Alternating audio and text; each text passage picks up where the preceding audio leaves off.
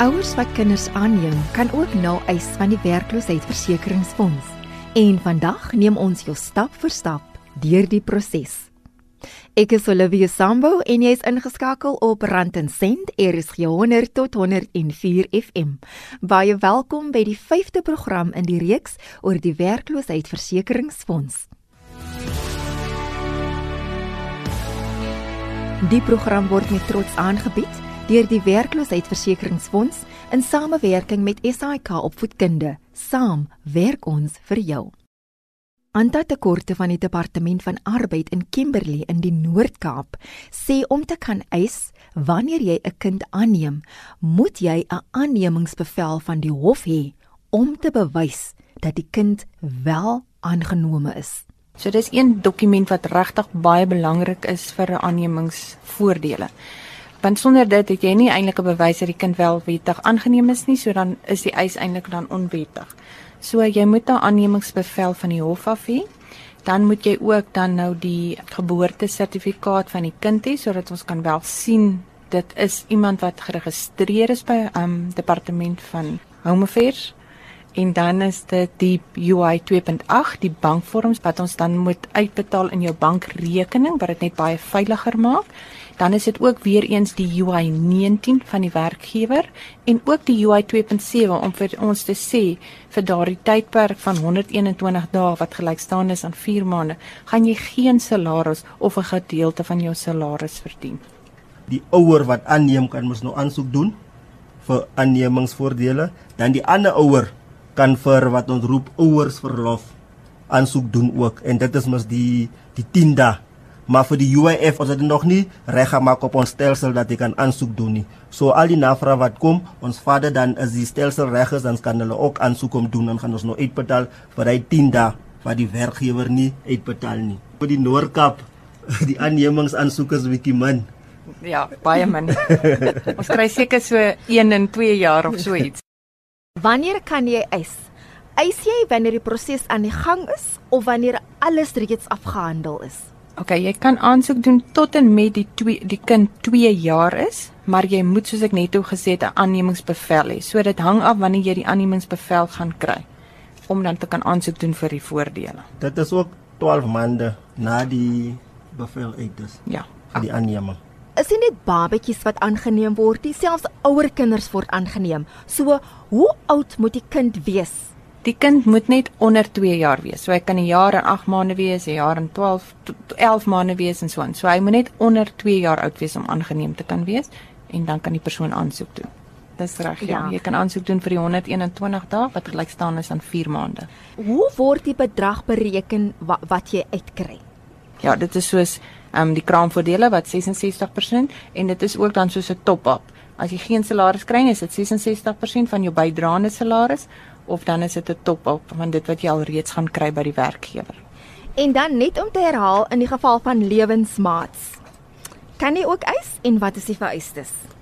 Altwee kan aansoek doen, dan kan die ander een van vir aannemingsvoordele aansoek doen, die ander een vir ouers verlof aansoek doen, die ene vir die 10 dae.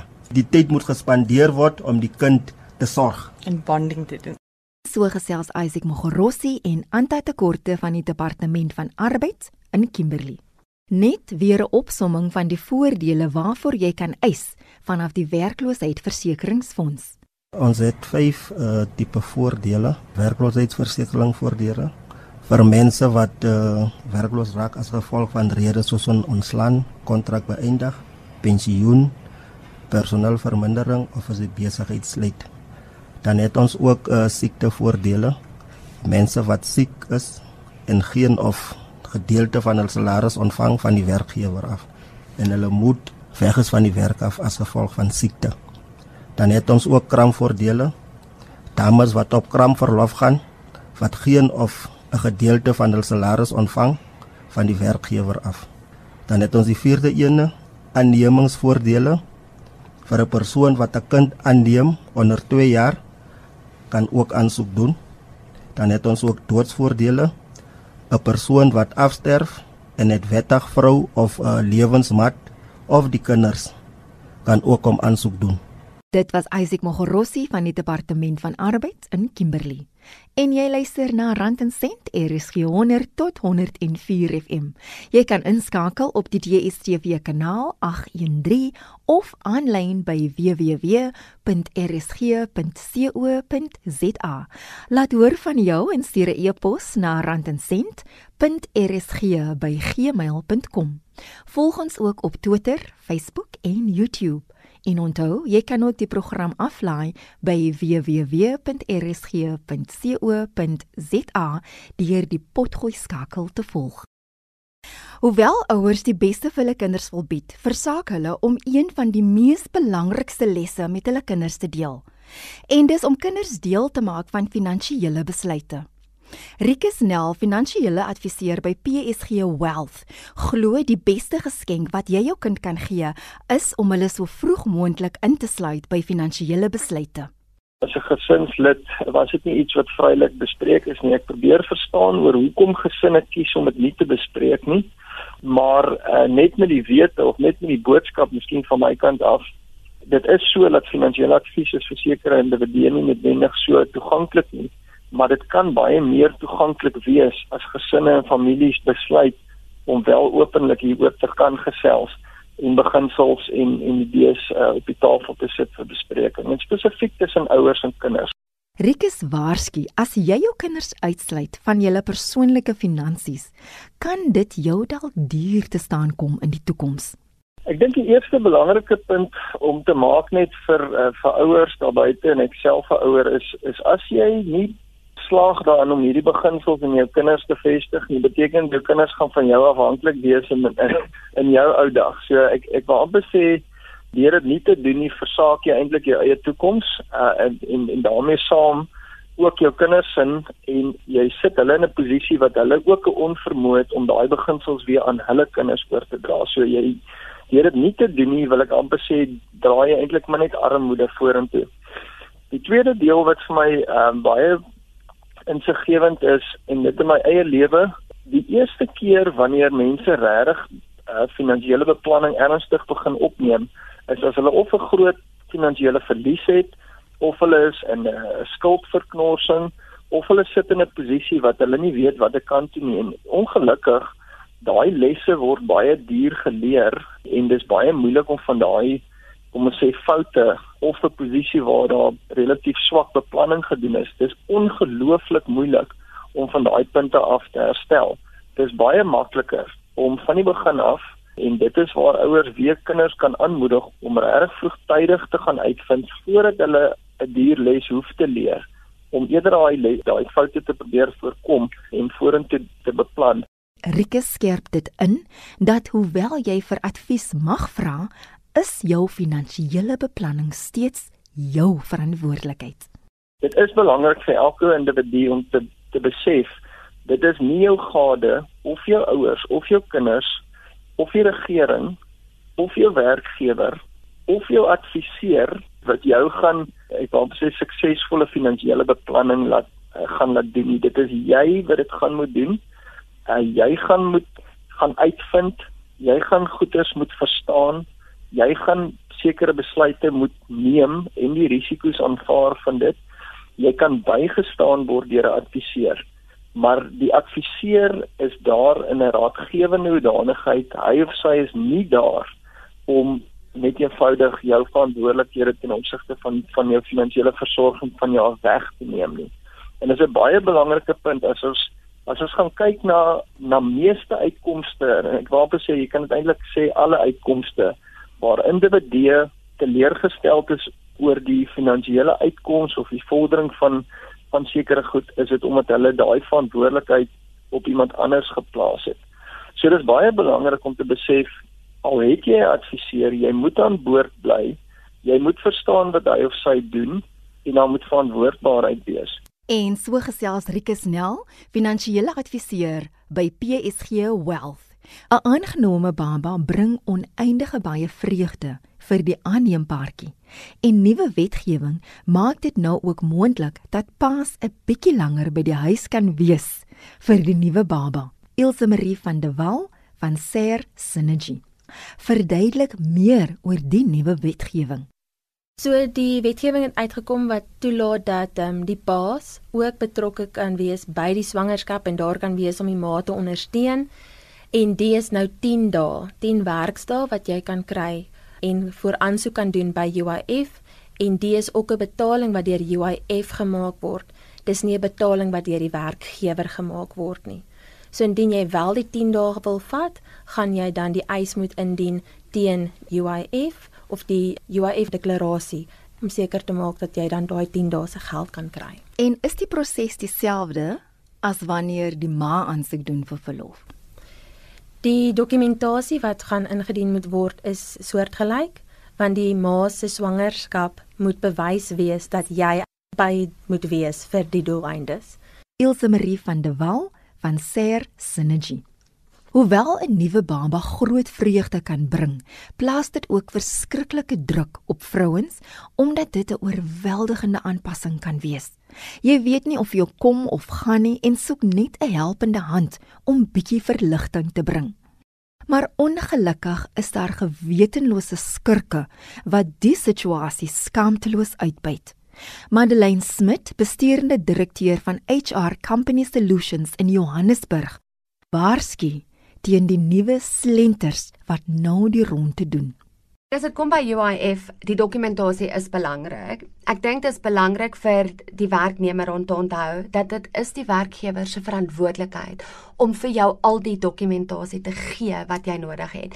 Jy hoef nie te smeek daarvoor nie. Dit is nie 'n staatsgeheim nie. Jy dit is joune en jy het die reg vir dit. Maar wat mense moet mindful wees is dat daar is baie companies nou wat trend om advantage te vat van mense wat UIF claims doen. Die die majority van die mense wat nou UIF of wat UIF claims doen is mense wat alreeds baie ver in hulle swangerskap is of wat nie babas het. So daar is companies wat scam en sê gee vir my al jou dokumente. Ag en as jy hierdie een dokument kort, moenie worry nie, ek het hom ek kan hom kry. Don't worry about it. Ek kan alles vir jou kry en binne 10 dae sal jy jou UIF geld in jou rekening hê dan betaal hulle die going rate is tussen 1500 en 2000 rand vir jou om 'n maternity UIF in te handig. Weg pff, hulle hardloop weg met jou geld hulle hardloop weg met jou papiere en dan voor jy weet moet jy weer van voor af begin. So onthou net if it is too good to be true it usually is. Daar is 'n soortgelyke scam ook vir mense wat werk soek. Het jy dit al teëgekom ook yes daar is daar's 'n baie groot scam van mense wat werk soek die wet, die landwet sê dat as jy in die in die werksmark is, mag jy nie geld betaal vir iemand om vir jou 'n werk te kry nie. Dit is illegal. Jy hoef dit nie te doen nie. Jy mag nie betaal vir werk nie. So groot skam. Advies twee dinge. Nommer 1, het jy aansoek gedoen vir daai werk? En nommer 2, wat vra hulle jou vir 'n onderhoud of om 'n onderhoud te seker. Maar hulle is ook nou slim. Hulle sê nou ek sal vir jou die training gee en dan wanneer jy deur my trainingprogram is, kan ek vir jou dan 'n werk seker by groot name. Daar is so klomp maatskappye wat se name hulle gebruik. Die advies is as jy moet betaal vir iets, it is not true. Madeleine Smit van HR Company Solutions. Die oomblik wanneer jy jou babatjie in jou arms hou, begin jy reeds planne maak sodat jou kind 'n blink toekoms kan hê. Ons begin reeds finansiële doelwitte te stel met die hoop om die beste vir ons kinders te bied. As jy gewonder het hoe om daardie finansiële doelwitte te bereik, dan het Rikus Nel die woorde van advies wat jy moet onthou. Dit wat ons as doelwitte stel. Goed, dit is net jy wat gaan bepaal of jy daai doelwitte bereik of nie. Dit is met enige ding so. Dit gaan oor hoeveel opofferings jy bereid om te, te te maak. Dit is net iemand wat self kan bepaal oor hoe lank hy of sy gaan bydra tot 'n pensioenfonds, hoeveel hulle gaan bydra, hoe daai bydraes gaan eskaleer, op watter ouderdom hulle gaan aftree, hoe lank hulle gaan afhanklik wees van daai pensioenfonds, hoeveel hulle gaan trek. Al daai besluite het 'n uitkoms op iemand se se, finansiële resultaat en die individu wat eintlik tot voordeel of in voordeel van daai besluite sit is die persoon wat verantwoordbaar is daarvoor. So al het iemand 'n adviseur dit is belangrik dat 'n individu nie, nie dink dat dit kontrakteer daai hele verantwoording uit na die adviseur nie. Die individu is, is in feite nog steeds sentraal tot dit. Dit bring my by die vraag van die regte advies. Hoe weet jy die persoon wat jy vra gee vir jou die regte advies? Dis 'n baie groot vraag en jy moontlik 'n baie lang antwoord, maar ek kan net ek miskien drie punte net net opsom. Die eerste ene is ek dink onafhanklikheid in die adviespasie is werklik belangrik. As jy nie reg die onafhanklikheid kan bevestig van 'n adviseur se opinie nie, uh, dan is dit baie moeilik om om van die ander vrae van soos kom ons sê konflik van belang om dit te beantwoord. So dis vir my die heel eerste vertrekpunt. Ek dink onafhanklikheid in die advies is, is belangrik en ek dink daar behoort 'n vraag te wees van die kliënt aan aan die adviseur. Die tweede gedeelte is natuurlik is daar baie groot vertrouensverhouding en 'n goeie adviesverhouding rus basies op daai vertroue. Ongelukkig is daai vertroue iets wat oor tyd om ons sê ontwikkel. Dis nie iets wat iemand in die eerste ontmoeting of in die eerste jaar of in die tweede jaar noodwendig verdien nie. So dit is iets wat oor die lang termyn ontwikkel. Maar ek dink tog as 'n adviseur 'n kliënt in staat stel om dit wat hy of sy doen te kan verstaan, dan dink ek is dit baie makliker vir 'n kliënt om die uh, adviseur te vertrou. Goed. En dan ook om te verstaan is hierdie besluite wat die adviseur neem, is dit werklik in my belang of is dit in die adviseurs belang of in wie se belang is dit? So ek, ek dink dis 'n belangrike deel dat die kliënt steeds baie mooi verstaan wat die adviseur doen. En dan die derde deel is is letterman dink ek trek rekord. Ek dink is belangrik dat dat iemand gaan kyk wie is die adviseur, waar kom hy of sy vandaan, wat is hulle uh, professionele kwalifikasies, waar het hulle gewerk, hoe het hulle hulle tande gesluit in die industrie en dan ek dink nie as enigiets fout daarmee om ander kliënte, jy weet een of twee testimonials in in te win en te kyk wat dink die ander kliënte van dit nie. So ek dink daai drie punte is vir my sleutel tot die keuse van wie wie om te kies van 'n adviseur. Dit was Rikus Nel van PSG Wealth. As jy die groot besluit geneem het om 'n kind aan te neem, wil ek net sê alle sterkte. En aan alle ma's, dis 'n wonderlike, sienitergende, veel eisende, lewenslange reis. En al wat jy baie keer gaan het om jou te lei, is jou hart. Jy gaan baie foute maak, maar jy gaan ook baie dinge reg doen. En onthou, jy's nie perfek nie en jy gaan nie alles weet nie. Daar is niks wat jou kan voorberei vir ma wees nie. Maar wat jy wel met sekerheid kan weet, is dat jou liefde vir jou kind gaan aanhou groei en jy is nie alleen nie. Alle sterkte en alles van die beste met die interessante reis. Vir enige hulp of inligting oor die werkloosheidsversekeringsfonds, gaan na die naaste kantore. Jy kan ook die tolvrye nommer skakel by 0800 843 843 of 0800 UIF UIF of gaan aanlyn na www.labor www.gov.za. Jy kan ook vrae stuur aan die werkloosheidsversekeringsfonds op Twitter, Facebook of per e-pos. En dis tot sins van my Olivia Sambo hier by Rand en Sent, is 100 tot 104 FM.